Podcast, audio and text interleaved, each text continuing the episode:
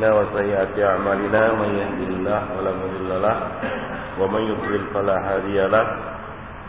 أشهد أن لا إله إلا الله وحده لا شريك له وأشهد أن محمدا عبده ورسوله. يا أيها الذين آمنوا اتقوا الله حق تقاته ولا تموتن إلا وأنتم مسلمون. أما بعد. Ikhwan Fiddin Azani Allah wa iyyakum jami'an Pertemuan terakhir atau pembahasan terakhir dari kitab Al-Qaulul Mubin ini adalah mengenai masalah larangan sholat di tempat-tempat yang terdapat padanya suara yaitu gambar-gambar. Atau sholat di atas sajadah yang bercorak gambar. Atau ukiran-ukiran atau di tempat-tempat yang terdapat gambar padanya. Ada beberapa hadis dalam bab ini yang menunjukkan makruhnya ataupun larangan sholat di tempat-tempat yang bergambar atau menghadap sesuatu yang bercorak gambar. Terutama apabila gambar itu adalah gambar makhluk-makhluk yang bernyawa. Rasulullah pernah mengerjakan sholat dengan mengenakan khamisah kemeja data alam yang memiliki corak. Selesai sholat Rasul mengatakan bawalah kemeja ini kepada Abu Jahal bin Hudzaifah dan bawakanlah kepadaku ambijaniyah karena kemeja itu telah membuat lalai tadi di dalam sholat. Artinya corak-corak yang ada pada gambar itu membuat beliau terganggu. As-Sunahani mengatakan dalam hadis tersebut terdapat dalil makruhnya segala perkara yang dapat menyibukkan hati di dalam sholat berupa ukiran-ukiran, gambar-gambar atau apapun yang sejenisnya yang dapat menggalaukan hati ataupun menyibukkan hati. Demikian. Kemudian Al-Aziz bin Abdul Salam menambahkan dimakruhkan juga sholat di atas sajadah yaitu sajadah yang dikenal sekarang dan dipasang secara permanen ada yang ya semi permanen ada yang permanen di masjid-masjid yang muzakrafah ma'ah yang banyak corak-corak dan gambar-gambarnya. Wakadhalika ala rafi'ah al-fariqah Demikian pula Salat di tempat yang tinggi. Dan salat ala tawadu'in Wa tamaskunin. Karena yang namanya Salat itu adalah e, Di mana seorang hamba itu Menunjukkan ketawaduannya Ketawaduannya artinya ketundukannya. Ya dan kerendahannya di hadapan Allah Subhanahu wa taala. Dahulu orang-orang di Masjid Makkah maupun di Masjid Madinah sholat di atas tanah atau di atas permukaan yang datar, tidak uh, meninggikan tempat sholat mereka. Demikian konfidena Allah wa iya Baik. Artinya adalah ya yang terbaik adalah mengerjakan sholat itu tanpa alas, ya tanpa alas kecuali untuk e, beberapa keperluan misalnya lantai yang dingin atau tanah yang dingin atau panas hingga perlu alas. Nah yang paling bagus adalah sholat tanpa alas untuk menunjukkan ketawaduan kerendahan diri kepada Allah Subhanahu Wa Taala. Kemudian beliau mengatakan yang paling afdal adalah mengikuti Rasulullah Shallallahu Alaihi Wasallam dalam seluruh tiap detil perbuatan, ucapan dan perilaku beliau ya karena barang siapa yang menaati Rasulullah Shallallahu Alaihi Wasallam maka dia telah mendapat petunjuk dan Allah Subhanahu Wa Taala akan menyintainya. Qul in kuntum tuhibbuna Allah fattabi'uni dan barang siapa yang keluar dari ketaatannya dan dari tidak ittiba kepada sunnahnya maka dia akan jauh dari kebenaran dan akan menyimpang dari kebenaran sejauh penyimpangannya dari kebenaran tersebut dia akan jauh dari Allah Subhanahu wa taala sejauh penyimpangannya tersebut. Demikian juga pernah terjadi pada masa Rasulullah seperti yang diceritakan oleh Anas bin Malik bahwa Aisyah memiliki tirai di dalam rumahnya untuk menutup salah satu sisi rumahnya. Ternyata itu tirai mengganggu Rasulullah di dalam sholat. Maka Rasul berkata kepadanya, Amiti anni, singkirkanlah dariku tirai itu, innahu la tazalu taswawiruhu ta'ridu li fi sholati. Karena gambar-gambarnya atau corak-coraknya zahirnya ini gambar ini tidak atau bukan gambar makhluk yang bernyawa. Karena kalau ini gambar makhluk yang bernyawa, ya sudah semenjak awal Rasulullah Shallallahu Alaihi Wasallam pasti tidak akan mengizinkan Aisyah untuk memasangnya. Jadi kemungkinan ini bukan gambar yang bernyawa, hanya tirai yang bercorak, begitu ya, tirai yang bercorak. Kemudian Rasul mengatakan, Amin ani, singkirkanlah dari itu. Dan zahirnya juga tirai ini ada di hadapan Rasul Rasulullah SAW yaitu tepat berada di sebelah kiblat. Ya tepat berada di sebelah kiblat atau di sebelah kiri dan kanan beliau. Karena kalau di belakang kiblat tentunya tidak akan mengganggu Rasulullah SAW tapi ada yang mengatakan bahwasanya mungkin juga itu di belakang Rasulullah SAW karena Rasul bisa melihat apa yang ada di depan beliau sebagaimana beliau bisa juga melihat apa yang ada di belakang. Karena sebabnya adalah ta'ridu li salati. Gambar-gambar itu mengganggu konsentrasiku, kekhusyukanku di dalam salatku. Jadi hadis ini menunjukkan makruhnya salat di tempat yang terdapat gambar di dalamnya dan wajib untuk menghilangkan segala perkara yang dapat yusakkilu balal musalli dapat menyibukkan pikiran orang yang mengerjakan salat. Ya seperti sajadah-sajadah yang bergambar itu yang bisa membawa pikiran orang yang melihatnya ke mana-mana. Ya, mungkin terpikir ke sana kemari. Ya, mungkin dari situ dia terpikir untuk membayangkan Ka'bah ataupun yang hal-hal lain ya dari gambar itu. Ya, sebagian gambar bahkan eh, sebagian sajadah bahkan bercorak gambar pemandangan ya, gambar pemandangan ada oase ada tenda ada apa namanya pohon korma hingga kadang-kadang seorang akan sibuk hatinya memikirkan gambar yang ada di depannya itu. Mungkin yang maksud pembuatnya adalah agar yang sholat merasakan sedang sholat di padang pasir kan begitu. Ya cuma sebenarnya hal itu akan membuat dia lalai, akan mengganggu konsentrasinya. Yang membuat pikirannya melayang entah kemana-mana. Yang memikirkan sesuatu yang ada di gambar itu. Dan yang lebih parah lagi mungkin ada sebagian sajadah itu yang bergambar makhluk bernyawa. Ya seperti ada gambar ontanya atau gambar manusianya dan jenisnya dan sebagian sajadah kita lihat tidak ada gambar tidak ada gambar masjid tidak ada gambar oase tidak ada gambar turun ya tapi corak-corak ya, corak-corak yang banyak ya seperti sebagian sajadah kita lihat itu bercorak-corak ya e, berukir-ukir hingga kadang-kadang seseorang itu kagum melihat sajadah itu. Kagum dengan detailnya apalagi sajadah dari Turki gitu ya sangat indah karena keindahan itu membuat dia kadang-kadang ter, apa namanya terganggu dia tidak konsentrasi lagi untuk memikirkan atau menghayati bacaannya.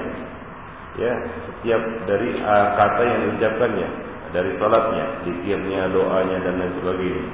Tapi sibuk galau hatinya uh, melihat dan membayangkan keindahan sajadah yang ada di hadapannya. Dan pengalaman kita juga demikian. Kalau kita sholat di atas sajadah seperti itu, ya, maka yang pertama terbetik dalam hati kita adalah indah sekali ini sajadah. Ya, kita terpesona dengan apa? Dengan keindahan sajadah itu. Demikian. Sawa'un kana suaran aw.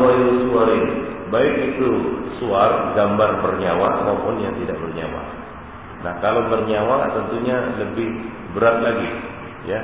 Dan lebih berat lagi kalau gambar bernyawa itu adalah sesuatu yang diagungkan. Contohnya adalah kaum sufi yang sholat menghadap foto guru-guru mereka. Nah ini lebih berat lagi larangannya, lebih keras lagi larangannya, dan lebih tinggi lagi keharamannya. Ya, demikian itu Apalagi dia sholat memang menghadap foto tersebut dan membayangkan apa namanya menggambarkan jadi ya, dalam hatinya orang yang ada di dalam foto itu. Nah ini bisa menjurus kepada haram. Ya dan apa namanya e, bisa dikatakan tidak sah sholatnya karena dia bukan sholat lillah tapi apa namanya di surah atau untuk gambar itu dia bukan sholat karena Allah tapi sholat karena tuan guru yang yang gambarnya ada di hadapannya ya contohnya seperti sebagian tarekat ataupun aliran-aliran sufi yang mewajibkan memasang ya gambar guru di depan di depan orang yang sedang sholat atau di depan mereka yang sedang sholat nah demikian nah ini bisa membatalkan salat mereka karena salat mereka itu tidak lagi lillah tapi karena guru tersebut. Demikian yang. Ya, bahkan sebagian tarekat bukan hanya menghadirkan gambar di depannya, tapi mensyaratkan harus menghadirkan gambar itu dalam hatinya. Nah, demikian. Eh, prakteknya seperti itu. Jadi selain gambarnya dipampangkan di depan, ya seperti sebagian habaib ya di beberapa tempat di Pulau Jawa. Nah, mereka mengharuskan seperti itu ya mereka harus memasang foto foto gurunya di hadapan mereka kemudian tidak cukup sampai di situ mereka juga harus membayangkan ya menghadirkan sosok ataupun gambar wajah guru itu di dalam hatinya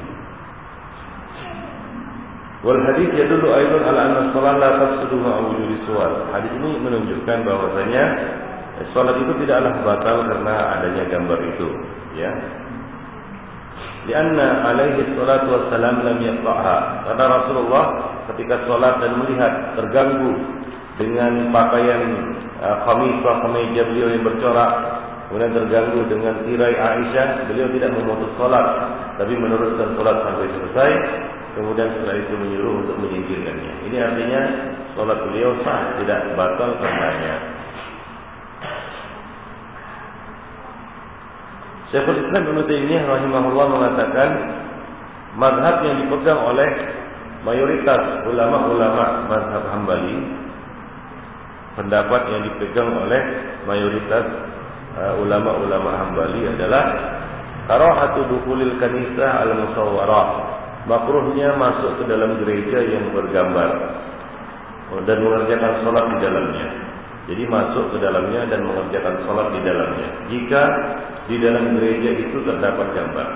Tapi kita tanyakan sekarang, adakah gereja sekarang ini yang tidak ada gambarnya? Mungkin ada ya. Mungkin ada. Tapi kebanyakannya ada terdapat gambar. Bukan hanya gambar, tapi juga terdapat patung. Ya. Kopi pun dimakan yang tasawir. Demikian pula di tempat, di setiap tempat yang di dalamnya terdapat tasawir yaitu gambar-gambar yang dipajang ya, gambar-gambar yang dipajang. Asyad hati dengan kemakruhan yang sangat berat. Dan inilah yang benar yang tidak uh, diragukan lagi dan tidak perlu disampaikan lagi. Demikian yang Dan Al-Marginani menambahkan lagi ya Wa asyaddu karahatan an takuna amamal musalli dan yang lebih berat lagi adalah jika gambar itu ada di hadapan orang yang salat. Kemudian di atas kepalanya, kemudian di kanannya, kemudian di kirinya, kemudian di di belakangnya. Ya seperti kita sebutkan tadi, ya, tingkat kemakruhannya bertingkat uh, berbeda-beda, bertingkat-tingkat menurut letak dan posisi dari gambar itu. Jika gambar itu terdapat eh, terdapat di tepat di depan kita, ya di depan orang yang sholat, maka kemakruhannya sangat besar. Demikian yang kami Jadi intinya dalam masalah ini jami'ul masalah at-ta'zim wal istighal yaitu pengagungan dan ke apa namanya istighal. Istighal artinya yang membuat sibuk seseorang.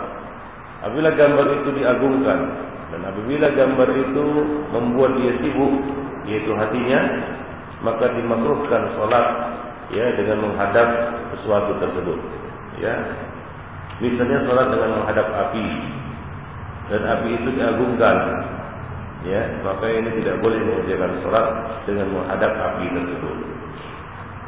Walidah Kurihat solat ila tasawir Dimakruhkan solat menghadap gambar-gambar. Karena itu dapat menyibukkan orang yang sholat dengan terus memandang kepadanya wa tudhilu anis salat dan kadang-kadang juga membuat dia lalai. Hingga lupa beberapa, rakaat yang telah dikerjakannya ya.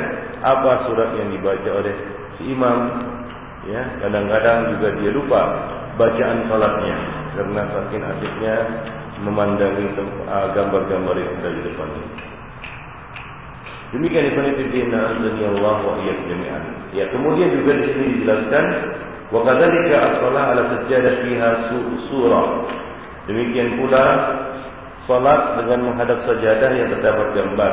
Di dalamnya terdapat penyerupaan. Fihi tasabbuh.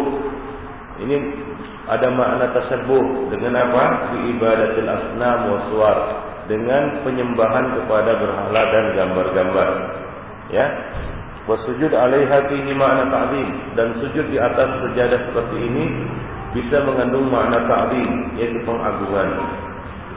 bal nassa ba'dul fuqaha ala karahati shalah ala sajjadah allati fiha surah bahkan sebahagian fuqaha telah menyebutkan menetapkan ya makruhnya salat di atas sajadah yang terdapat gambar-gambar seperti ini walau kana sudah walaupun gambar itu diinjak artinya diletakkan di bawah ini menjelaskan Ibnu Fikin bahwasanya pada masa dahulu itu kaum muslimin salat tanpa tergantung dengan sajadah itu. Tapi entah mengapa, entah sejak kapan dimulainya, orang-orang kayaknya tergantung itu dengan apa? Dengan sajadah itu. Padahal itu tidak dibutuhkan. Salat yang paling bagus adalah salat di atas lantai.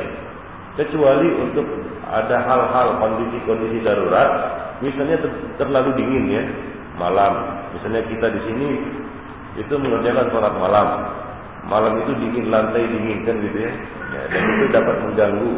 Kalau kita pertahankan berdiri di atas lantai yang dingin ini justru sholat akan ter terganggu. Maka kita beri alat. Nah itu adalah kondisi di mana kita membutuhkan alat. Tapi kalau misalnya seperti sekarang hangat-hangat saja normal tidak dingin tidak juga panas maka nggak perlu di sana pakai apa pakai sajadah atau pakai alas dan sejenisnya. Nah demikian Ibn Fiddin rahimani wa rahimakumullah jami'an. Baik. Apalagi alasnya itu bergambar dan bercorak. Walaupun eh, sebagian orang beralasan ini gambar tak mengapa. Kenapa? Karena gambar itu dihinakan, tidak dimuliakan.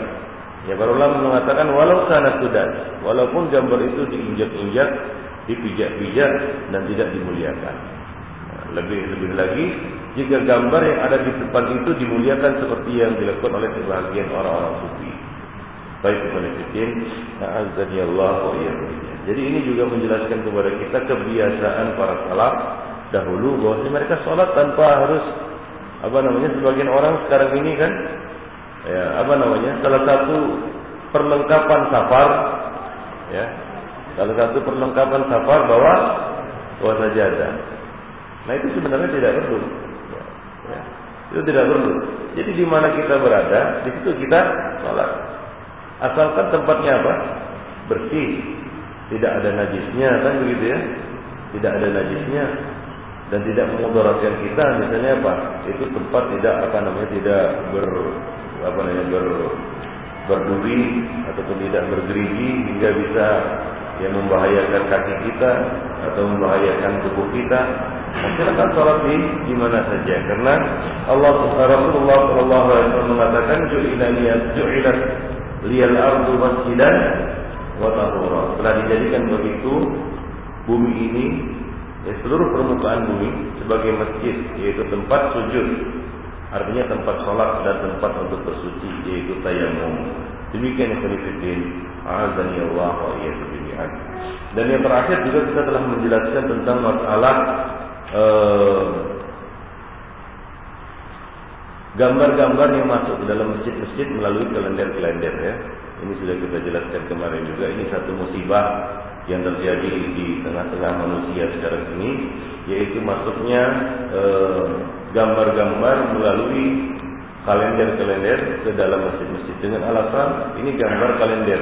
Ya sama saja mau gambar kalender, mau bukan gambar kalender, mau gambar nadir masjidnya, pengurus masjid. Ya kadang-kadang di sebagian masjid ya dicantumkan di situ kepengurusan. lengkap dengan gambarnya. Itu itu juga termasuk dan itu dipampang. Nah, gambar yang diharamkan ini yang membuat malaikat tidak masuk itu adalah gambar yang dipampang. Ya, gambar yang dipampang. Sama saja kalau kita ngantongi duit, itu ada gambar. Dan akan menjadi dilarang kalau kita pampangkan gambar itu di dinding, ya. Kita apa namanya? Kita gantungkan dia di dinding, kita tempelkan di dinding hingga nampak gambarnya.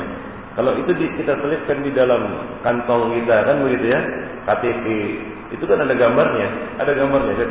Siapa yang KTP-nya nggak ada gambar? Ya ada gambarnya kan. Tapi gambar itu di, di disimpan. Ya. Lain halnya kalau KTP itu di dipajang. Gitu. Nah jadi gambar-gambar kepengurusan masjid yang disertai dengan gambar tidak cukup namanya, tapi ada gambarnya. Ada juga masjid seperti itu. Saya pernah lihat juga. Itu diletak di dalam, ya, di dalam. Bahkan di bukan di sebelah belakang ya di sebelah kanan atau kiri kadang mungkin di depan mungkin. Ya tapi itu mengganggu bagi orang-orang yang sholat. Dan itu jelas gambar ya. Gambar makhluk yang bernyawa yang membuat malaikat tidak akan masuk ke dalamnya. Nabi mengatakan la tadkhulul malaika baitan fihi surah. Tidak akan masuk malaikat di rumah yang terdapat gambar padanya demikian Ibnu jadi ini merupakan eh, harus menjadi perhatian bagi para nadir ataupun DKM DKM masjid untuk membersihkan masjid kaum muslimin dari gambar-gambar yang dipajang dan digantung. Ya, baik itu bentuknya kalender ataupun foto-foto pengurus ataupun yang lain. Nah, sebahagian masjid foto-foto kegiatan, ya, dan itu dimasukkan ke dalam masjid. Nah, ini juga termasuk hal yang harus di bersihkan dari masjid-masjid kaum muslimin. Baik bukan fiddin.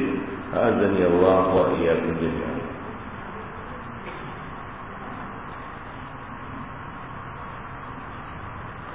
Dan mengenai eh, solat di gereja, ya, apa hukum solat di gereja? Solat di gereja hukumnya boleh. Dan para sahabat, sebahagian sahabat pernah melakukannya. Namun mereka memeriksa terlebih dulu apakah ada gambar di dalam gereja itu. Ya. Kalau ada gambar maka mereka menolak untuk sholat di dalamnya. Ya seperti yang dikatakan oleh Umar bin Khattab, "Inna la nadkhul tanaisakum min ajli tamathil allati fiha suwar." Sesungguhnya kami tidak masuk ke dalam gereja-gereja kalian ini karena at-tamathil yaitu patung-patung ataupun gambar eh, patung-patung allati fiha suwar yang di dalamnya itu terdapat gambar yaitu patung-patung yang berwujud manusia seperti yang kita lihat di sebagian gereja itu ada patung Bunda Maria, patung Yesus kan begitu ya. Nah itu dengan bentuk yang zahir. Nah ini tidak boleh masuk ke dalamnya. Ya, masuk ke dalamnya saja tidak boleh, apalagi mengerjakan sholat di dalamnya. Kana Ibnu Abbas yusalli fil bi'ah illa bi'ah fiha tamathil. Ibnu Abbas pernah mengerjakan salat di sinagog. Sinagog itu adalah tempat ibadah orang Yahudi. Kecuali sinagog yang di dalamnya terdapat gambar. Jadi mereka membedakan antara sinagog dan gereja yang ada gambarnya dengan sinagog dan gereja yang tidak ada gambarnya. Wal murad surah huna huwa suratul arwah. Dan yang dimaksud dengan gambar di sini adalah gambar al-arwah, yaitu makhluk-makhluk yang bernyawa itu fiddin. Azani Allah wa iyyakum jami'an. Baik. Itulah dia pembahasan tentang larangan sholat menghadap gambar ataupun ukiran-ukiran ataupun corak-corak atau apa pun yang dapat mengganggu ibadah sholat kita atau dapat menyibukkan dan melalaikan hati kita. Baik, jadi yang terbaik adalah sholat di atas tanah ataupun lantai ataupun sejenisnya yang polos, ya, yang polos. Kemudian kita masuk kepada pembahasan yang baru yaitu poin yang ke-13. As-salatu 'alal kubur wa ilaiha. Salat di atas kubur. Ya, salat di atas kubur ya, dan salat menghadap kepadanya. Nah ini ada dua, solat alal kubur dan solat ilal kubur. salat alal kubur ini berlaku umum. Ya baik kubur itu ada di depan, ada di samping, ada di kanan, ada di kiri atau ada di bawah. Paham maksudnya? Itu termasuk kategori as-salatu alal kubur. As-salatu alal kubur. Ini umum.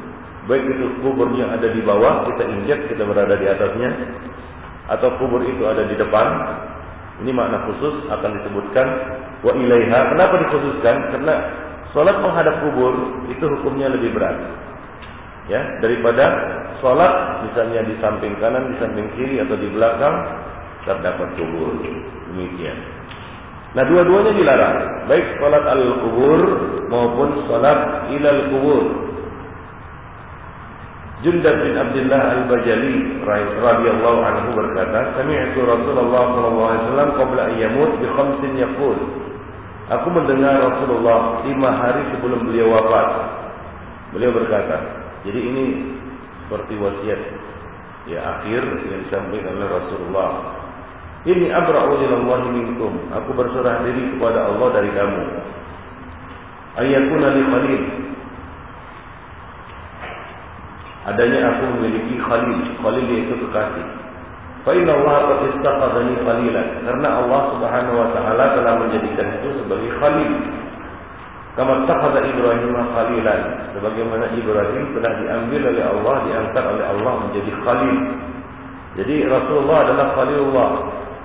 Ibrahim juga khalil, khalilullah. Walaupun kumuttaqidan khalilan, lattakhadtu Abu Bakr khalilan. Kalau aku harus mengangkat seorang khalil kekasih, niscaya aku akan mengangkat Abu Bakar sebagai khalil. Ala wa inna man kana qablakum kanu yattakhiduna qubur anbiya'ihim masajid. Ingatlah, ketahuilah bahwa umat-umat sebelum kalian dahulu mereka menjadikan kubur-kubur nabi mereka sebagai masjid, yaitu tempat ibadah. Yaitu mereka beribadah di samping, di sisi atau di dekat makam-makam para nabi mereka. Itu menyengaja mendatanginya, mendatangi kubur nabi mereka untuk ibadah di situ. Coba kita bayangkan, dapat kita bayangkan uh, kubur nabi saja kita dilarang untuk datang ke situ, kemudian beribadah khusus di situ, minta di situ dan sebagainya. Ya, oleh karena itu ziarah ke makam Nabi itu adalah cabang dari ziarah kepada Masjid Nabawi. Jadi tujuan utama kita bukan menziarahi makam Nabi dan bukan untuk sholat di samping apa namanya makam Nabi. Tapi tujuan kita adalah untuk mengunjungi Masjid Nabi. Karena itu adalah Baitullah, rumah Allah Subhanahu wa taala yang diistimewakan dengan apa? Dengan satu keutamaan sholat di dalamnya itu lebih lebih utama seribu kali lipat daripada sholat-sholat di tempat lain. Ya, jadi bukan tujuannya untuk mengunjungi kubur Nabi secara khusus. Itu tabai, itu tujuan kedua. Setelah tujuan utama pertama yaitu apa? Mengunjungi Masjid Nabawi. Nah kemudian kalau kita mengunjungi Masjid Nabawi maka janganlah kita lewatkan berziarah ke makam Nabi. Sebagian orang ada yang niatnya salah. Inamal amalu niat tentunya. Niat mereka ke Madinah itu adalah untuk berziarah ke makam Nabi. Bahkan sebagian orang tidak ada niatan sama sekali untuk apa? Untuk mengunjungi Masjid Nabawi, tapi semata-mata untuk apa? Berziarah ke makam Nabi. Itu dapat dilihat amal ibadah mereka yang pertama ketika sampai di Madinah adalah mendatangi makam Nabi dan berdoa di situ. Ya, berdoa di situ. Mereka tidak sholat tahiyatul masjid, ya, langsung duduk di situ dan doa, minta doa. Ada yang melempar kertas kan begitu ya. Itu amal mereka yang pertama kali begitu tiba di di Madinah. Mungkin aku yang pernah mengerjakan ibadah haji e, melihat pemandangan seperti ini. Nah, itu dilemparlah titipan kan begitu ya. Kertas-kertas dilempar. Demikian ikhwan Jadi sebagian orang yang datang ke sana dari di antara kaum muslimin ada yang niatnya itu tidak mengunjungi Masjid Nabawi. Bukan untuk mengunjungi Masjid Nabawi, tapi mengunjungi apa? Makam Nabi. Nah ini keliru. Ya, karena mengunjungi makam Nabi atau ziarah ke makam Nabi itu adalah tujuan kedua atau tujuan tabai. Tujuan asli ya adalah berziarah ke Masjid Nabawi. Nah, demikian Ikhwanuddin. Azan ya Allah wa iyyakum jami'an. Karena Nabi melarang yang menjadikan makam-makam Nabi, makam-makam para Nabi itu sebagai masjid, tempat ibadah, tempat sujud. Kemudian ada yang bertanya, bagaimana dengan kubur Nabi yang ada di dalam masjid? Ya kita katakan yang masukkan kubur Nabi ke dalam masjid itu bukan bukan sahabat, ya, bukan juga wasiat Nabi, bukan juga sahabat. Itu adalah kebijaksanaan ya pemerintah ataupun raja yang datang sudah masa sahabat. Ya, dan itu tidak ya perbuatan mereka itu tidak bisa menjadi hujah. Nah, kalau berkesempatan dan tidak menimbulkan fitnah, mengeluarkan makam Nabi itu dari Masjid Nabawi, ya itu juga perlu dilakukan. Tapi karena untuk menghindari fitnah, ya apa jadinya sekarang ini kalau misalnya itu kubur dikeluarkan, tentu akan menjadi masalah yang besar. Ya sekarang juga dikeluarkan saja sudah banyak fitnah ya, ya terhadap kaum Wahabi, apalagi itu dikeluarkan lebih-lebih lagi kan begitu ya. Nah ini fitnah yang besar, bisa menghalangi manusia dari kebenaran membuat mereka semakin benci kepada apa ya sosok yang namanya Wahabi dan ini ini yang dihindari sebenarnya dari apa namanya uh, dari uh, dikeluarkannya ya makam itu dari Masjid Nabawi. Baik. Ala kulihal itu bukan perbuatan sahabat, ya, bukan perbuatan sahabat memasukkan kubur Nabi itu ke dalam Masjid Nabawi. Ala fala tattakhidul qubur masajid oleh karena itu janganlah kalian jadikan kubur-kubur itu sebagai masjid. Fa inni anhaakum an dzalik. Sesungguhnya aku melarang uh, kalian dari melakukan hal semacam itu. Jadi kita dilarang menjadikan kubur-kubur sebagai masjid. Ada dua kemungkinan. Ada kubur kemudian kita jadikan masjid di situ. Ini yang pertama. Dan yang kedua adalah ada masjid kemudian kita masukkan kubur ke dalamnya. Paham? Jadi ada dua ada dua keadaan, ya. Ada kubur, kemudian kita apa? Bangun masjid di atasnya. Yang kedua ada masjid, kemudian kita masukkan kubur ke dalamnya.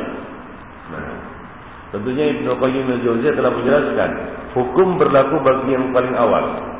Kalau yang paling awal itu masjid, maka kuburnya harus disingkirkan, dienyahkan, dibongkar dan dipindahkan. Kalau mampu. Nah kalau yang duluan itu adalah kubur, kubur dulu ada baru masjid, artinya masjid itu dibangun setelah kubur itu ada atau apa namanya? Uh, ya setelah kubur itu ada maka masjid itu harus di, dibongkar, dirobohkan, ya dirobohkan. Demikian ini. Jadi al hukum al awal, hukum yang berlaku bagi yang awal, itulah yang berlaku, ya ditetapkan. Kalau yang awal itu masjid, maka ditetapkan masjidnya dan dibongkar kuburnya. Kalau yang awal kubur, maka ditetapkan kuburnya, dirubuhkan apa? Masjidnya. Demikian pula hadis yang lain bahwasanya Rasulullah sallallahu alaihi wasallam bersabda, "Qatalallahu al-yahuda wan nasara." Semoga Allah membinasakan orang-orang Yahudi dan Nasrani. Ittakhadhu qubur anbiya'ihim masajid. Mereka menjadikan kubur-kubur Nabi mereka sebagai masjid, itu tempat ibadah. Hadis ini juga menjadikan dan dijadikan dalil oleh para ulama tidak bolehnya menyengaja ibadah di kuburan. Di kubur siapa saja, baik itu kubur orang tua, kubur Nabi saja tidak boleh, apalagi kubur orang tua atau kubur siapa saja. Yaitu kita sengaja datang ke sana untuk membaca al Al-Quran atau berdoa. Walaupun kita berdoa di situ bukan untuk meminta kepada yang kepada yang ada di dalam kubur. Ya, misalnya kita punya hajat seperti sekarang ini sebagian orang punya hajat lalu dia datang ke kubur. Dia minta di situ, doa di situ. Lalu dikatakan, kenapa kamu minta kepada orang yang ada di dalam kubur? Dia katakan, tidak, aku minta kepada Allah. Bukan minta kepada orang yang ada di dalam kubur. Ya. Kemudian kita tanyakan lagi kepadanya, kenapa kamu memilih kubur sebagai tempat ibadah? Ya. Nah, jadi kita tidak boleh menjadikan kuburan, ya, perkuburan sebagai khusus, yang mengkhususkannya sebagai tempat ibadah. Ya, seperti yang dilakukan oleh sebahagian kaum muslimin sekarang ini, mereka mau zikir, mereka mau baca Quran, mereka mau doa, khusus datang ke kuburan. Nah ini bukan amalan yang dibenarkan atau tidak dibenarkan di dalam Islam. Diriwayatkan dari Aisyah radhiyallahu anha, qala Rasulullah fi maradhihi alladhi mata fi. Rasulullah bersabda ketika beliau sakit dan sakit itu membawa beliau kepada kematian, La'anallahu al-yahuda wan nasara ittakhadhu qubur anbiya'ihim masajid. Allah melaknat orang-orang Yahudi dan Nasrani mereka menjadikan kubur-kubur nabi mereka sebagai masjid, yaitu tempat ibadah, tempat salat. Demikian pula dari Ibnu Mas'ud radhiyallahu anhu Rasulullah bersabda, "Inna min syirarin nas man tudrikuhum as-sa'ah wa hum ahya." Sesungguhnya seburuk-buruk manusia adalah orang-orang yang mendapati hari kiamat. Orang-orang yang mendapati hari kiamat. Artinya apa? Orang-orang yang merasakan hari kiamat. Ini seburuk-buruk manusia. Kenapa? Karena orang muslim yang di dalamnya, di dalam hatinya, di dalam jiwanya ada sebesar darah dari keimanan, dia tidak akan merasakan hari kiamat. Karena dia akan diwafatkan oleh Allah sebelum datangnya hari kiamat. Seperti yang Allah Subhanahu wa taala sebutkan dalam satu hadis yang disampaikan oleh Rasulullah bahwa Allah akan mengirim angin yang yang lembutnya selembut sutra akan mengambil setiap jiwa yang ada di dalamnya sebesar darah dari keimanan. Kemudian setelah itu tidak ada lagi tersisa orang-orang yang beriman. Ya, kemudian atas mereka lah ya akan dijadikan uh, hari kiamat itu. Ya akan diadakan hari kiamat itu. Wahum ahya sementara mereka hidup pada masa itu. Walladzina yastakhiduna al-qubur masajid yaitu orang-orang yang menjadikan kubur-kubur sebagai masjid. Dalam hadis ini terdapat isyarat Ibnu Fiddin bahwasanya penyembahan terhadap kubur itu akan akan awet, akan bertahan sampai nantinya. Yang tersisa salah satu yang tersisa adalah orang-orang yang menjadikan yang menyembah kubur-kubur itu. Mereka juga termasuk orang-orang yang akan merasakan hari kiamat. Demikian. Ya. Kita tahu bahwa penyembahan kubur itu dapat mengeluarkan pelakunya dari Islam. Ya. Dapat mengeluarkan pelakunya dari Islam. Jadi kalau kita lihat sekarang ini, ya, pengagungan terhadap kubur yang boleh kita katakan Islam ini sudah berlalu berapa berapa abad? 15 abad. Ya. Mulai dari masa kejayaan Islam pada masa Rasulullah, tiga kurun yang utama. Ya, kemudian lagi kemudian apa namanya masa Umar bin Abdul Aziz. Kemudian pasang surut kejayaan Islam. Ya, dakwah tauhid muncul lagi pada masa Ibnu Taimiyah. Surut lagi muncul lagi pada masa Muhammad bin Abdul Wahab. Sampai sekarang kan begitu itu yang terakhir kan? nanti menjelang datangnya Mahdi, ketika datangnya Mahdi dan sampai akhirnya tidak tersisa lagi orang-orang yang beriman, penyembahan kubur tetap ada. Sekarang aja begitu gencarnya dakwah tauhid, ya, tersebarnya ilmu ataupun pengetahuan maklumat tentang bahaya syirik, bahaya penyembahan kubur, sesatnya penyembahan kubur, wah, masih ada. Bahkan bukan masih ada, masih banyak atau bahkan bukan masih banyak, sangat banyak orang-orang yang menyembah kubur Palestina. Azan ya Allah wa iyyakum. Coba lihat. Baru aja terjadi. Ya kan? Siapa? Gus Dur. Iya, Gus Dur baru ditanam. Orang merebut apa? Mencium tanahnya, mengambil tanahnya dan sebagainya. Ya. Itu bukti manifestin bahwa ini itu akan ada sampai menjelang hari hari kiamat. Ya, ini syarat. Jadi memang demikianlah. Ya, seperti yang disyaratkan oleh Rasulullah tidak akan terjadi hari kiamat hingga wanita-wanita dari Bani Daud akan kembali menyembah apa? Menyembah berhala. Yaitu manusia, orang-orang Arab akan kembali menyembah berhala yang dahulu mereka sembah. Akan dimunculkan akan dimunculkan kembali situs-situs berhala situs-situs berhala. Kita lihat sekarang ini orang-orang kafir. Mereka arkeolog-arkeolog kafir lah tentunya ya. Mereka berusaha kembali membangkitkan situs-situs paganisme di Mesir, di mana-mana. Apa tujuannya itu? Itu untuk membangkitkan kembali apa? Penyembahan ber, berhala. Mereka sibuk sekarang di apa namanya di uh, Babylon. Uh, para arkeolog di, di sela-sela desingan peluru mereka meng, apa namanya, menyelidiki ya peninggalan-peninggalan apa namanya Zoroaster dan lain sebagainya berhala yang dahulu disembah oleh manusia dibangkitkan dan dihidupkan kembali mitos-mitosnya. Untuk apa itu? Untuk ya agar manusia ini kembali kepada penyembahan berhala dan itu ada isyaratnya di dalam hadis bahwasanya orang-orang wanita-wanita Arab itu akan kembali berkeliling tawaf mengitari berhala-berhala mereka. Nah demikian. Baik, kepada fiddin. A'azzani Allah wa iyyakum jami'an. Afadat hadhihi al-ahadith Hadis-hadis yang kita bacakan tadi memberikan faedah. Yang pertama, hurmatu istiqadil kubur masajid. Haramnya menjadikan kubur sebagai tempat ibadah. Wasarraha amatu ulama tawaif bin nahi andalika. Seluruh eh, ulama-ulama dari berbagai golongan. Artinya dari dari berbagai madhab. Dari empat madhab itu. Kecuali syiah yang mungkin. Syiah memang syiar mereka adalah apa? Penyembahan kubur. Ya, syiah. Ya. Syiar awal mereka, ya sejak mereka berdiri itu adalah pengagungan kubur. Mulai dari kubur siapa? Ali bin Abi Thalib dan lain-lain sebagainya. Walaupun ini lucu, sampai sekarang mereka menyelidiki di mana itu situs makam Ali bin Abi Thalib. Toh sampai sekarang tidak ketemu. Ya. Lalu mereka membuat-buat satu makam yang mereka klaim ini adalah makam Ali bin Abi Thalib. Ya di di satu di apa namanya di sekarang ini di mana itu namanya di Iran di Kufa mereka klaim itu adalah di bawah itu jasad Ali bin Abi Thalib.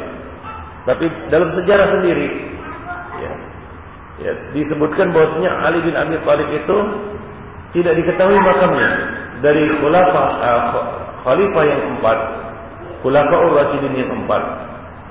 Cuma satu yang tidak diketahui di mana makamnya. Yaitu Ali bin Abi Thalib.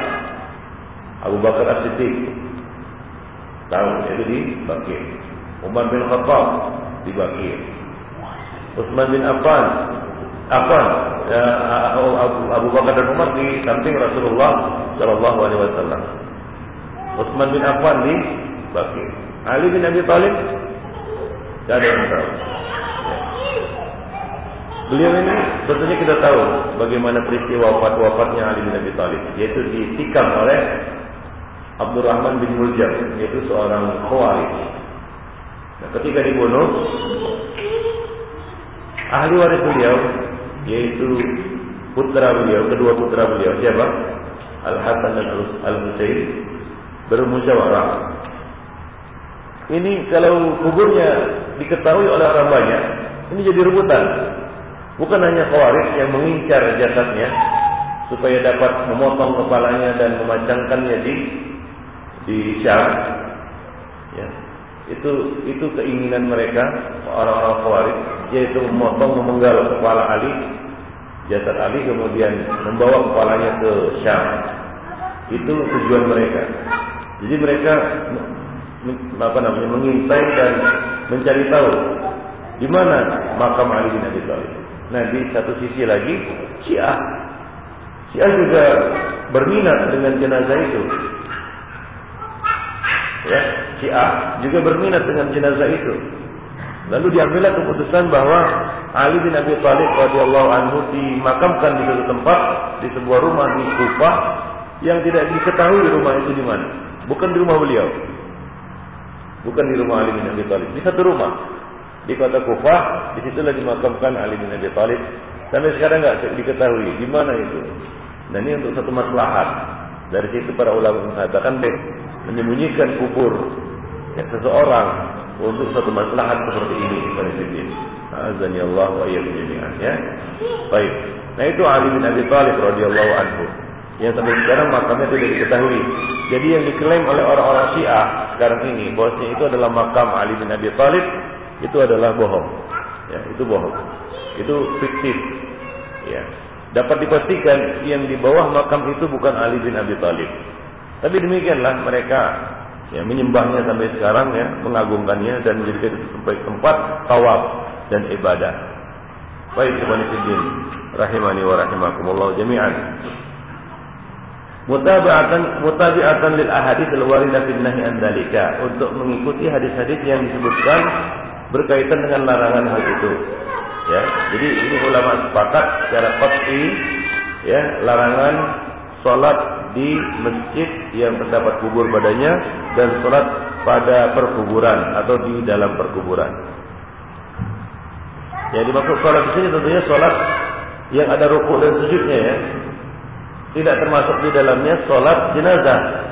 Karena salat jenazah boleh dilakukan di perkuburan. Baik. Seperti yang pernah dilakukan oleh Rasulullah. Rasulullah pernah ter apa namanya terluput menyolatkan jenazah seorang wanita yang yang yang biasa menyapu di masjid. Kemudian beliau mendatangi kuburnya dan sholat di situ dengan bertakbir empat kali takbir. Ini sholat jenazah. Ya, baik. Wa tata'ayyan izalat al-masajid al-mabniyah ala kubur dan menjadi wajib menjadi jelas keharusan menghilangkan masjid yang dibangun di atas kubur. Wa hadza la khilafa fihi bainal ulama al-ma'rufin. Dan masalah ini tidak ada khilaf di antara ulama-ulama yang dikenal atau yang terkenal. Jadi kalau masjid itu dibangun di atas kubur dan apa namanya dasar meletakkan masjid itu adalah kubur, maka ini harus di, diruntuhkan Walaupun itu berdasarkan wasiat. Seperti sekarang ini sebagian orang berwasiat Sebagian orang berwasiat, kalau aku mati maka kuburkanlah di masjid yang aku bangun. Nah pertanyaannya, masalahnya, bagaimana kalau seseorang dia bangun masjid dulu, ya, dan ketika dia bangun masjid dia tulis surat wasiat. Kalau saya mati, kuburkan saya di pekarangannya. Apa hukum masjid ini? Sementara waktu dibangun kubur masjid itu, ketika masjid itu dibangun, kubur gak ada. Nah, akan tetapi si pembuat masjid, artinya orang yang mem membangun masjid itu telah berwasiat. Kalau saya mati di situ, apa hukumnya? Para ulama menjelaskan bahwasanya, ya wasiat yang ditulisnya itu tidak boleh dilaksanakan. Wasiat yang di tulisnya itu tidak boleh dilaksanakan. Jadi masjid itu boleh dipakai selama wasiat itu tidak dilaksanakan. Dan apabila tidak dilaksanakan, maka itu tetap pada fungsinya boleh dipakai. Nah, dan tidak boleh dipakai lagi jika wasiat itu jadi dilakukan. Nah, maka terputuslah fungsi masjid itu. Nah, demikian Fiddin. Azani Allah wa Jadi harus dikeluarkan kuburannya itu asalnya karena awalnya itu masjid kemudian masuk kubur ke dalamnya karena wasiat ya maka harus dikeluarkan e, makam tersebut. Kalau tidak bisa maka ya tidak boleh kita sholat di e, dalam masjid tersebut atau di masjid tersebut.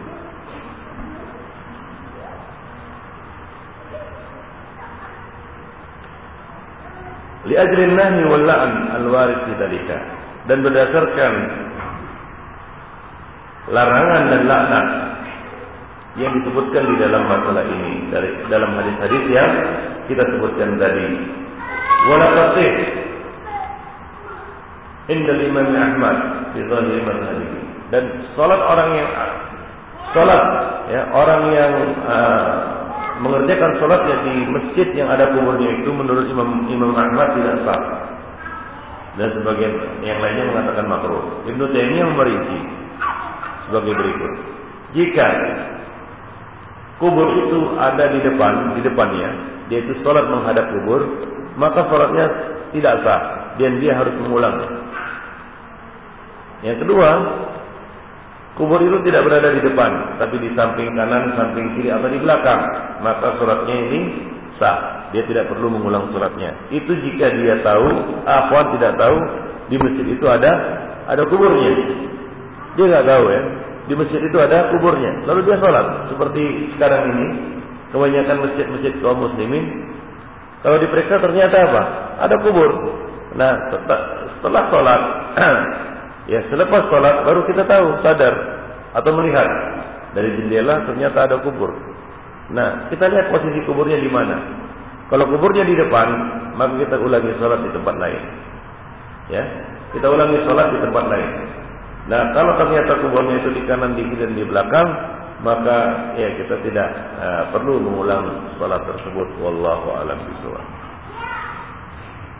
Wa kadzalika shalah indaha makruha. Wa illam yubna 'alaiha masjid.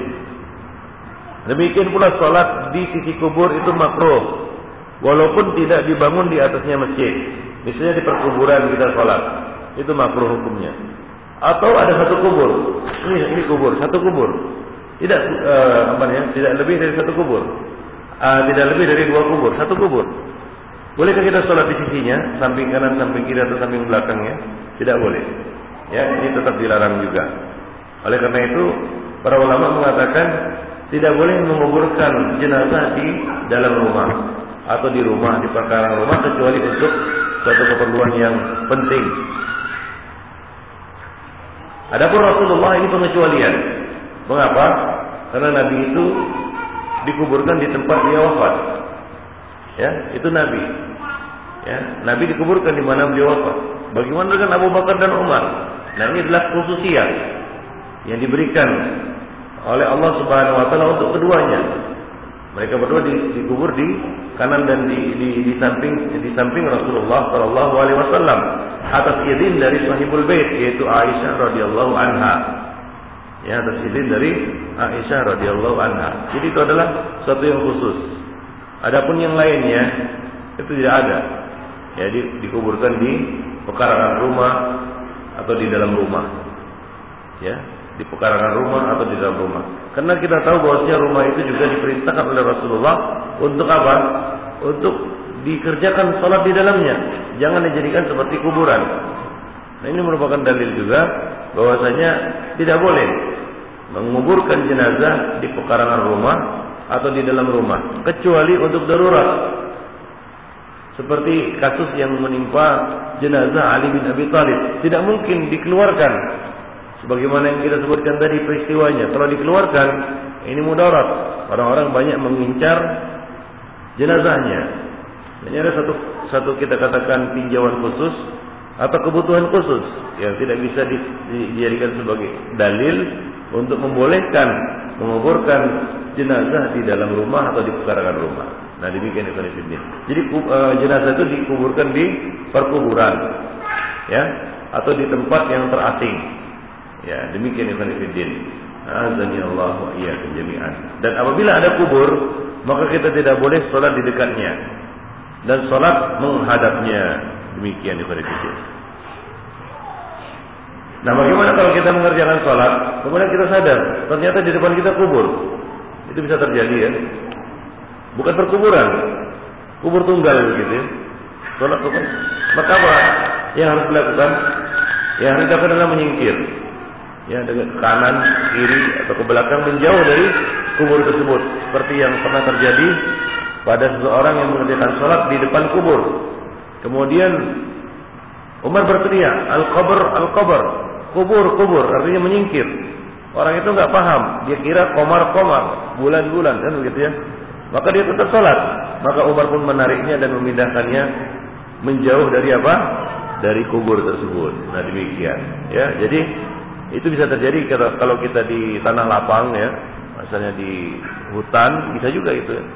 Kita sholat di hutan, sholat ternyata apa?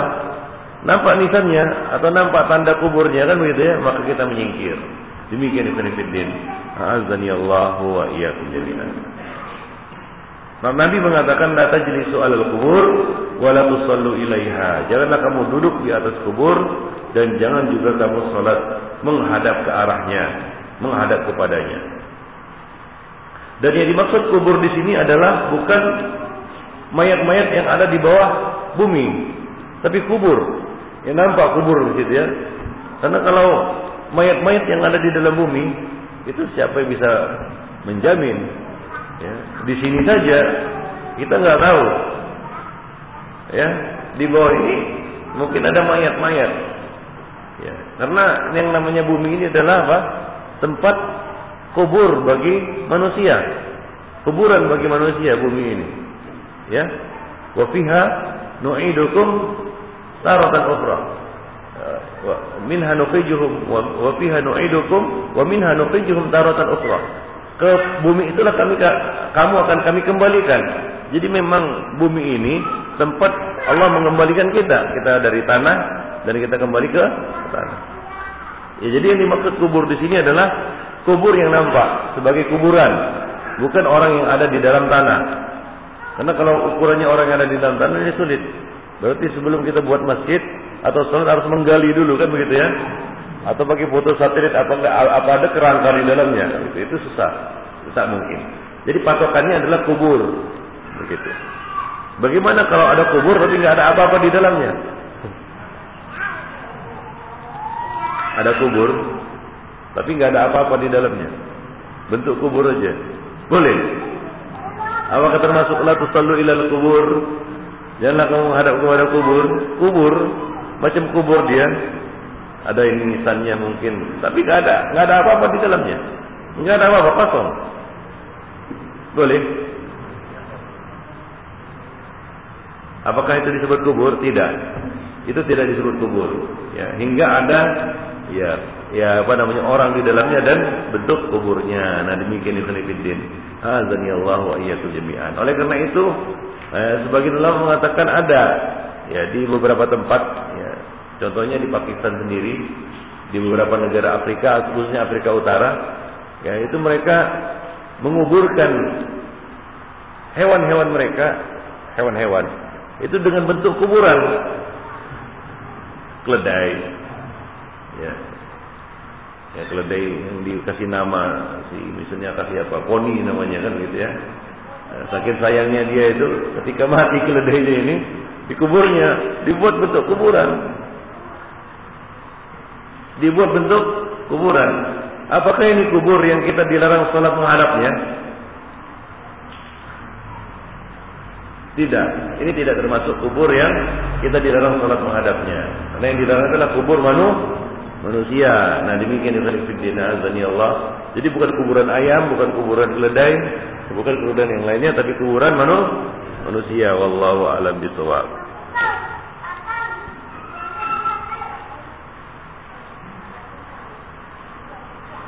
Sebagian orang mengatakan bahwasanya larangan sholat di kuburan itu karena najis. Karena tanahnya najis, mungkin bercampur dengan najis, Makanya dilarang sholat di kuburan kata sebagian orang. Yang benar adalah bukan karena itu. Yes. Larangan sholat di perkuburan bukan karena uh, kemungkinan adanya dari situ, tapi adalah untuk mencegah wasilah sarana kepada apa? Syirik, yaitu apa? Penyembahan kepada selain Allah Subhanahu wa taala. Dan kaidah syarat mengatakan apa? Sesuatu yang menjadi wasilah kepada yang haram maka menjadi apa? Haram. Sesuatu yang menjadi wasilah kepada yang haram maka menjadi haram. Ya dalam istilah syariat dikenal dengan sebutan saddud dzara'i. Itu mencegah terjadinya perkara yang haram atau perkara yang lebih besar kemungkarannya. Nah demikian ikhwan fillah. A'azzani Allah wa ikum jami'an.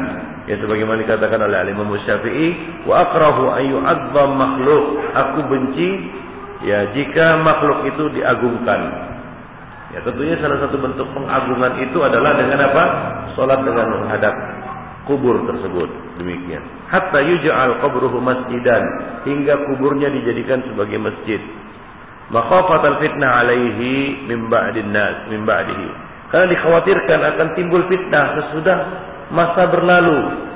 Ya, mungkin sekarang tidak di, diagungkan ya 10 20 tahun kemudian ya kubur itu akan diagungkan. Jangankan 10 20 tahun, 10 20 menit itu langsung diagungkan kan begitu. Demikian. Baik. Nah itulah dia Ibn Fiddin eh, apa namanya masalah eh, larangan sholat dengan menghadap kubur. Ya baik. Ada satu hal yang perlu saya sampaikan di sini mengenai kubur binatang.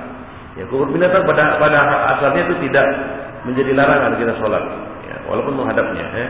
Tapi apabila kubur binatang itu menjadi diagungkan atau dijadikan situs pengagungan seperti di sebagian tempat di Pakistan itu ada kubur keledai ada satu tempat itu dianggap wali Keledai itu keledai berkah tua dikuburkan di situ. Kemudian dijadikan tempat penyembahan. Orang-orang sholat meminta dan ini haram hukumnya sholat menghadap kubur itu. Demikian pula sekarang ini di Solo ada namanya Mbah Selamat, Kiai Selamat, Kiai Selamat, tahu ya? Kerbau yang oh ya, kemarin itu baru semua haram kan? Subhanallah. Orang kayak gitu ya, hinanya itu sampai apa namanya liurnya kotorannya itu diambil kemudian diusap-usap katanya untuk awet muda. Ya untuk sebagai pelaris rezeki dan lain sebagainya. Nah kalau itu mati itu di ada kuburannya itu khusus kuburan keturunan Ki Selamat itu di Solo nah itu haram kita sholat uh, di situ karena itu adalah situs pengagungan ya kepada selain Allah Subhanahu wa taala. Baik ikhwan fillah. Azani Allah wa iyyakum jami'an.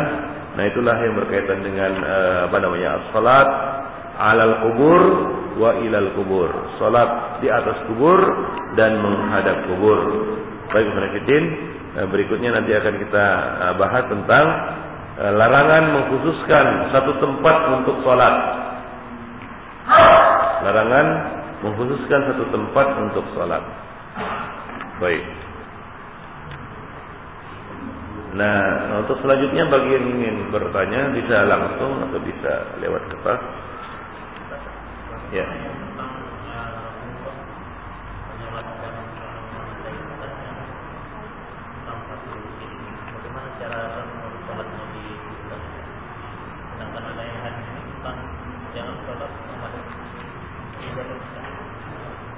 Itu sholat jenazah. Tadi kita katakan sholat jenazah sesudah dikebumikan. Ya sesudah dikubur sesudah dikuburkan Rasulullah sholat di uh, di makamnya. Nah, Rasulullah sholat di makamnya. Nah, dengan menghadap kiblat dan menghadap kubur itu dan sholat dengan empat kali takbir diikuti oleh para sahabat nah demikian gimana janganlah kalian di atas dan jangan juga kalian sholat menghadap kepadanya sholat Maksudnya sholat yang ada ruku dan sujud. Sholat jenazah nggak ada ruku dan sujud. Ya itu doa sebenarnya. Ya. Ya.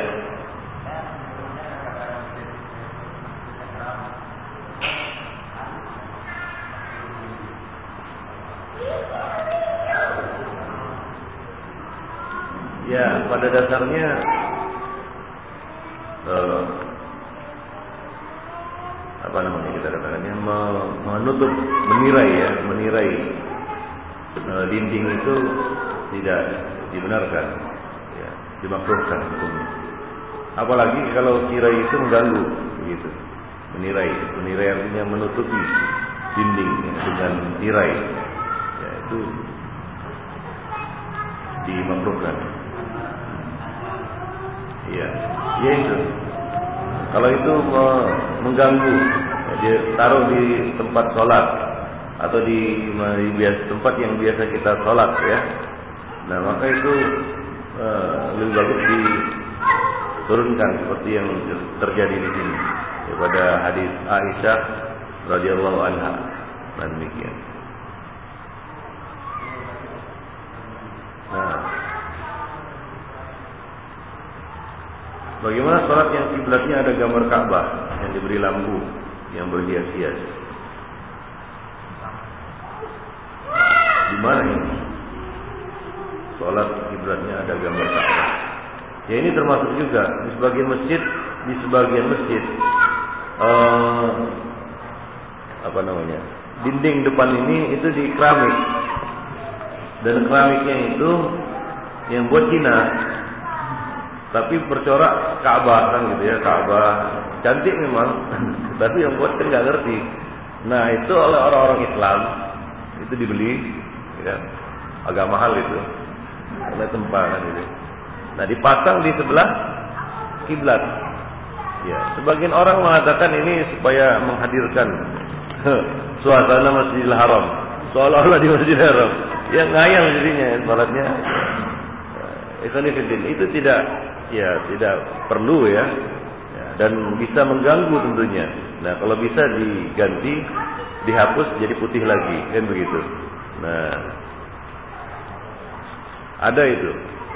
Ya, di sebagian masjid, anda lihat, kalau nggak salah masjid di Medan Area, kalau salah ya. Nah, itu apa namanya? E, dinding depannya itu di keramik dengan keramik apa namanya? E, gambar Ka'bah, gambar Ka'bah itu ya, ada peta gitu. Nah, dari itu tentunya yang mengganggu juga.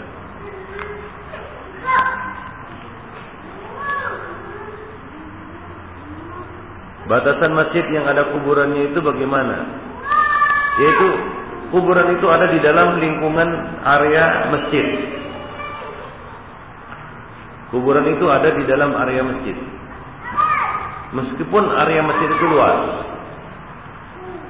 Kalau kuburan itu masuk ke dalam area masjid, maka kita tidak boleh sholat di dalamnya. Dikecualikan darinya adalah kubur-kubur yang ada di luar area masjid dan diberi batas pemisah antara masjid dan kuburan. Ya, itu di dalam uh, kitab Mausu'ah Manahij Syariah, ya, uh, kumpulan ensiklopedia larangan syariat disebutkan harus ada pemisah kubur dan pemisah masjid. Apa? Pemisah kubur dan pemisah masjid. Artinya dinding kubur, dinding apa namanya perkuburan, artinya pagar kubur dan pagar masjid. Itu harus tersendiri sehingga tidak ada akses jalan untuk ke kubur dari masjid dan dari masjid ke kubur. Artinya benar-benar terpisah. Nah, barulah dikatakan terpisah antara kubur dan masjid. Nah, apabila masjid eh, kubur itu ada di dalam area masjid, maka ia termasuk apa namanya kubur yang dibangun uh, masjid yang dibangun kubur di atasnya.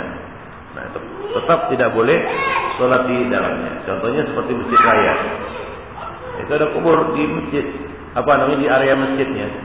Walaupun area masjidnya itu luas, masjidnya luas, 100 kali 100 masjidnya, areanya. Masjidnya cuma 10 kali 10 Area masjidnya 100 kali 100, eh, kuburnya nun jauh di sana. Tapi masih dalam area 100 kali 100 itu. Itu tetap juga di dilarang. Asalkan dia masih berada di area masjid itu. Nah demikian ikhwan fillah. Azani Allah wa iyyakum jami'an. Baik. Nah, kalau mau dipisah, maka harus dipisah antara kubur dan masjid itu dengan dinding yang berbeda. Dinding masjid dan dinding perkuburan. Nah demikian.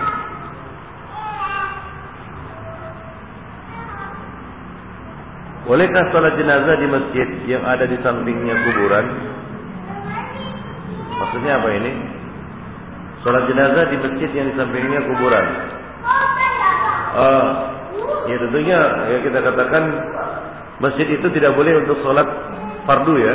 Kalau demikian ya, bisa di sampingnya kubur kan gitu ya. Tapi bolehkah kita menyolatkan jenazah di situ? Kita katakan boleh kalau untuk sholat jenazah. Tapi untuk sholat fardu Jangan atau sholat-sholat yang lainnya. Ya, sholat yang ada ruku dan sebagainya jangan. Tapi kalau sholat jenazah, ya tidak apa. Nah dahulu jenazah itu dikubur, uh, disolatkan itu di sebelah utara masjid Masjid Nabawi. Biasa dibawa ke sebelah utara dari Masjid Nabawi atau sebelah timur. Nah di situlah dijadikan musola tempat sholat jenazah. Jadi di luar masjid. Nah, walaupun demikian boleh menyolatkan jenazah di dalam masjid ya boleh menyolatkan jenazah di dalam masjid. Ya seperti hadis Aisyah radhiyallahu anha ketika Sa'ad bin Abi Waqqas wafat. Ya ketika jenazah lewat di samping masjid, Aisyah meminta untuk apa? Memasukkannya ke dalam masjid dan menyolatkannya. Nah demikian. Boleh menyolatkan jenazah di dalam masjid. Walaupun yang paling afdal itu adalah menyolatkan jenazah di tempat musalla khusus untuk sholat jenazah. Itu yang paling afdal. Allahu a'lam. Baik. Ya.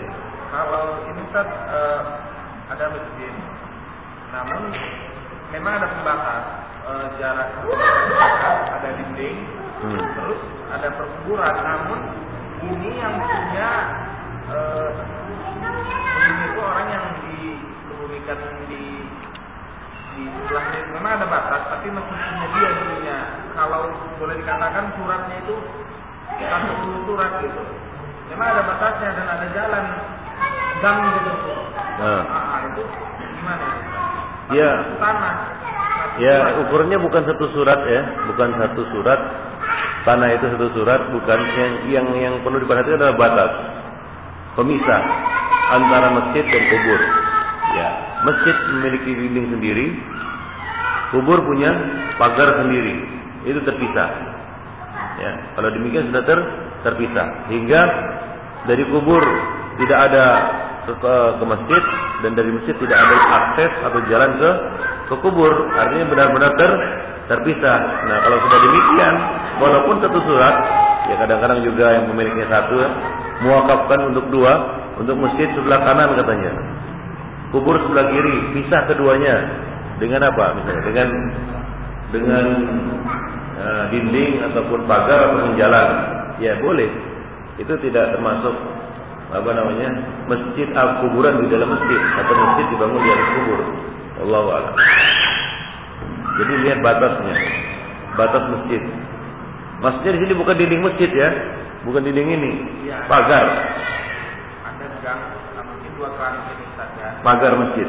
Uh, ada gang, Iya. kemudian ada pagar setinggi pinggang kita mungkin. Ya. Namun kalau akses jalan, ada jalan masuk ke wilayah perkuburan itu Ustaz dia nggak tembok permanen ini gitu. Ada juga jalannya. Mungkin kalau ada yang wafat nanti jalan.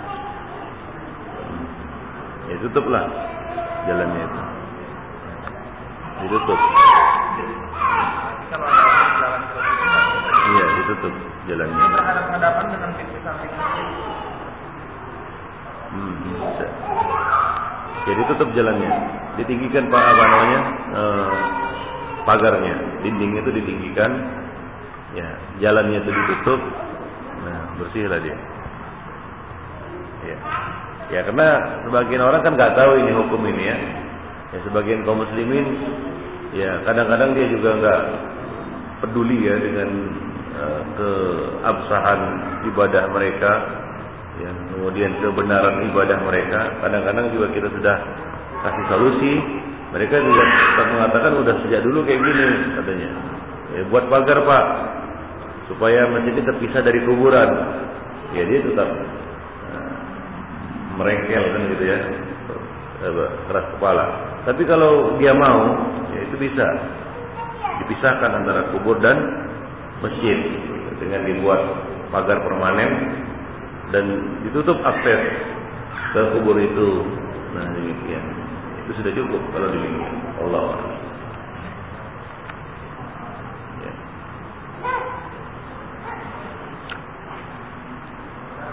Ya.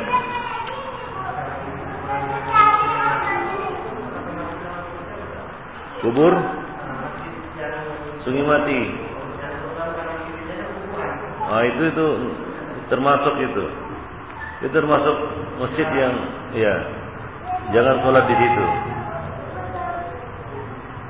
Kuburan ini kan Mandailing. Nah, campur padang. itu kuburan Mandailing campur padang. Di sana itu padang ini, yang sebelah sini Mandailing. Ah. Apa? Iya, itu itu masjid nggak ada pemisah antara antara masjid dan kubur. Ya kubur ya masjid itu. Nah.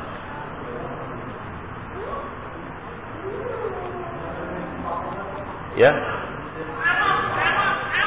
Apa ya? Aja sepakat. Itu dipisah dengan tembok ya masalah. Ya. Apa? Iya.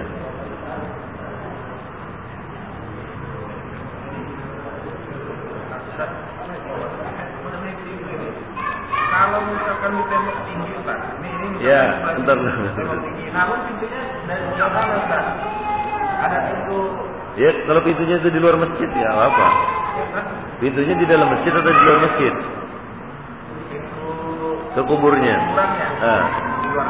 Ya udah, itu udah nggak ur- nggak urusan masjid lagi. Sudah terpisah. Nah, ya, eh, mengenai kubur, mana yang lebih besar subhatnya? Kubur muslim atau kubur kafir? Hah? Mana yang lebih mungkin untuk di, diagungkan? Kubur muslim ya.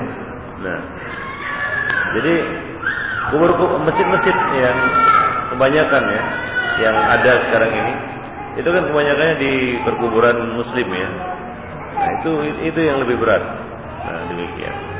Yang harus dipisah, benar-benar dipisah. Nah.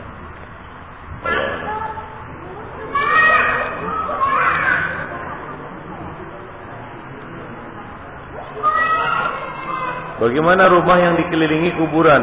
Apakah boleh sholat di rumah itu? Biasanya ya, biasanya yang namanya perkuburan itu ada batasnya. Kalau rumahnya itu ya di samping perkuburan, boleh sholat di rumahnya. Ya boleh sholat di rumahnya. Paham? Dan kalaupun ada kubur di rumahnya itu, ya karena dia rumahnya samping kuburan, tidaklah dikatakan bahwasanya apa dia menghadap kubur. Karena udah terpisah, jadi ukurannya kan dipisahkan ya dengan tembok atau dengan sesuatu yang itu terpisah antara rumah kita dan kubur.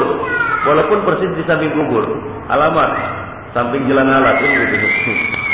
Jalan alat samping kuburan kan gitu. Ala, itu itu alamatnya. Ya. Alamat rumahnya apa? Jalan alat samping kuburan. Ya, samping kuburan walaupun persis samping kuburan, tapi yaitu di luar batas area perkuburan itu.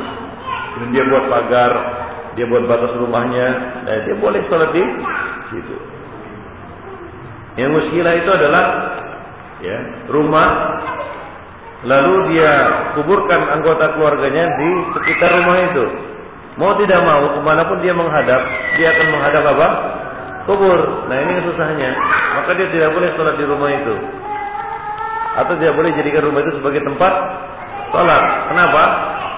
Karena sudah dikelilingi oleh kubur. Nah demikian. Tapi kalau yang dimaksud di sini adalah rumahnya di samping perkuburan, maka cukup dia pisahkan antara rumahnya dan per perkuburan. Nah, demikian. Baik. Nah.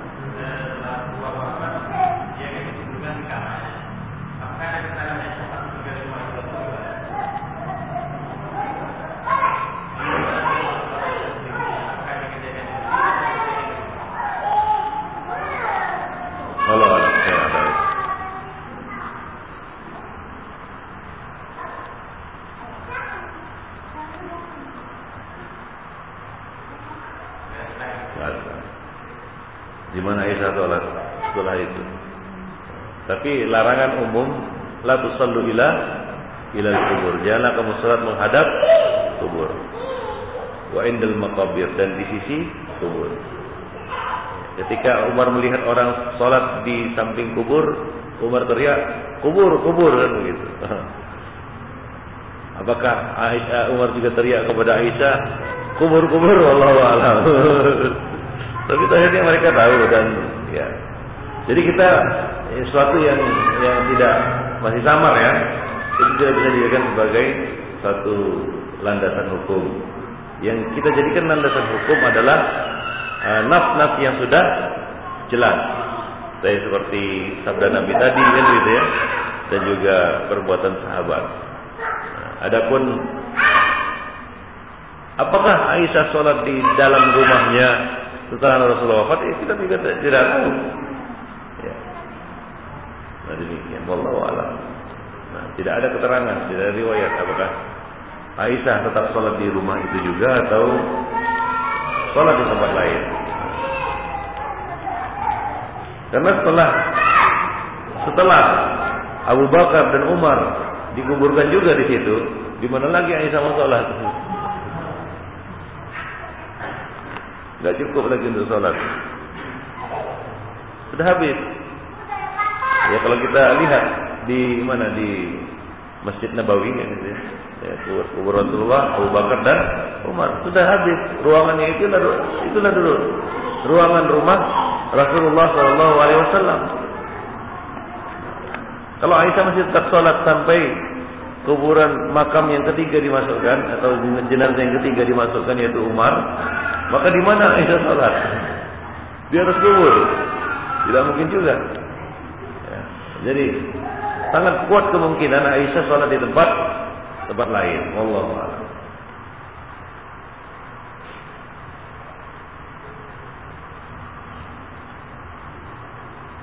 Bagaimana hukum sholat id di lapangan yang berada di sebelah perkuburan tanpa ada batas? Atau sholat id di lapangan yang menghadap kuburan tanpa diantarai oleh jalan? Termasuk di dalamnya sholat id. Ya, termasuk di dalamnya sholat id. Ya, karena dulu lapangan Nabi itu lapangan khusus sholat id.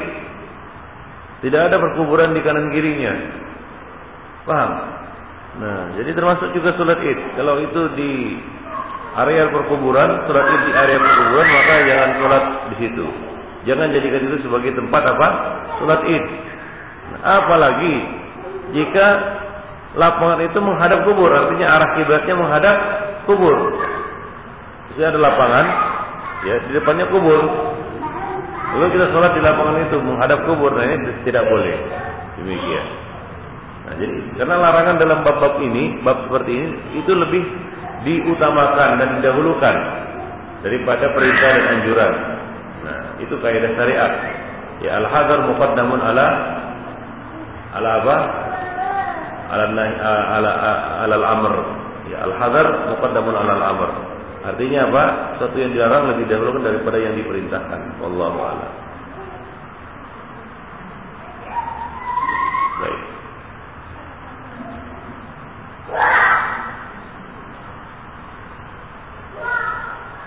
Nah demikian level fitin ya pertemuan kita pada uh, malam ini mudah-mudahan ada manfaatnya. Masih kita bahas nanti tentang masalah-masalah